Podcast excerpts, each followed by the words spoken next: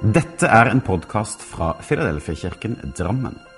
Vi ønsker å være en kirke for alle generasjoner gjennom alle sesonger i livet. Vi håper denne talen vil skape noe godt, og at du kan finne både håp, trøst og styrke i den kristne tro. Les mer om vår kirke på filadelfiadrammen.no. Hei! På jobben min kommer vi ofte inn på temaet kristen tro. Eh, nå i det siste, så særlig i forbindelse med både realityserien eh, Farmen, hvor vi så eh, presten Thor sammen som deltaker, og, og også i Brennpunkt sin dokumentar som heter Guds utvalgte. Hva vil det si å være en kristen? Jeg er selv vokst opp i Smiths venner og kjenner meg godt igjen i dokumentaren Brennpunkt viste for noen uker tilbake. Spørsmålet 'Hva vil det si å være en kristen?' dukker gjerne opp i slike sammenhenger. Svaret kan være mange ting, men for meg er det å være en kristen det samme som å leve i nær relasjon med vår himmelske Far og med Jesus som forbilde. Hvilke forbilde etterlatte Jesus seg, og hvem var Jesus for menneskene rundt seg? Eh, er Jesus, slik vi kjenner ham fra evangeliene, lik eller ulik de kristne menneskene vi kjenner rundt oss? Flere steder i Gamle testamentet blir Jesus omtalt og beskrevet lenge før han kom til jorden. I Ordspråkerne 4.20 leser vi Min sønn, Lytt når jeg taler, vend øret til mine ord. Slipp dem aldri av syne. De er liv, bevar dem i, dypt i ditt hjerte. De er liv for dem som finner dem, og gir hele kroppen helse. Og i Salmene 146 står det Han hjelper de undertrykte til deres rett. Han gir mat til de som sulter. Han setter fri de som er bundet og han gir de blinde syn. Herren reiser de nedbøyde opp og elsker de rettferdige. Herren verner om innflyttere. Han holder enker og farløse oppe, men gjør veien krokete for de som gjør urett. I Lukas evangeliet vil jeg gjerne dele en, en, beretning fra Jesus når han var i sabbat, var i synagogen og underviste. Der var det en kvinne som hadde vært plaget av en psykisk lidelse i 18 år.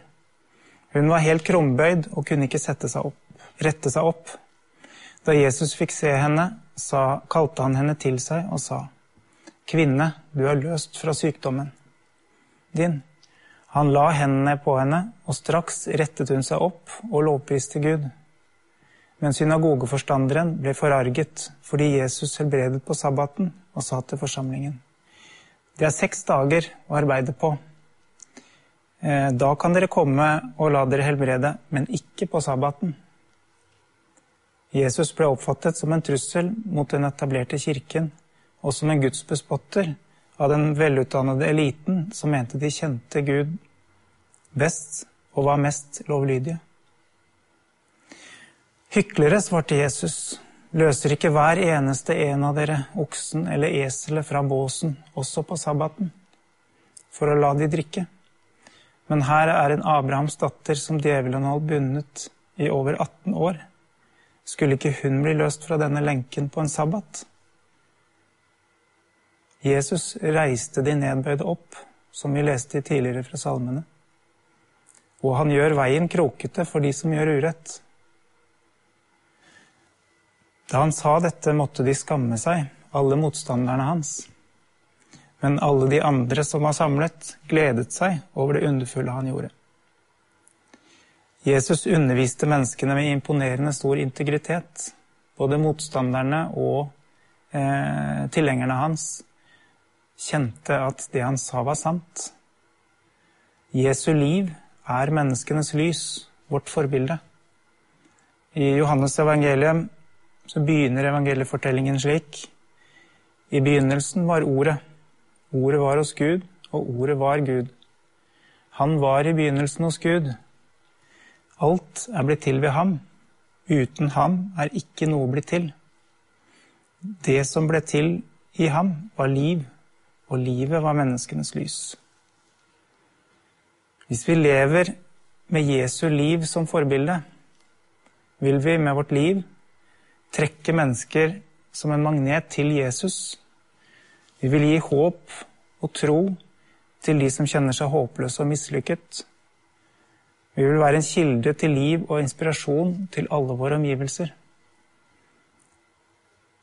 Vi vil være et fjell av rettferdighet og sannhet i en falsk og urettferdig verden. Men vi vil også, som Jesus, møte motstand fra mennesker som setter seg selv høyere enn Jesus og sine medmennesker. La oss gå inn i julehøytiden med en større lengsel etter å bli mer kjent med Jesus og be om Guds kraft og visdom til å leve ut det livet han inviterer oss inn i. Følg meg, sa Jesus. La oss være slike mennesker som med vårt liv roper 'følg meg', følg Jesus, til alle mennesker. God jul.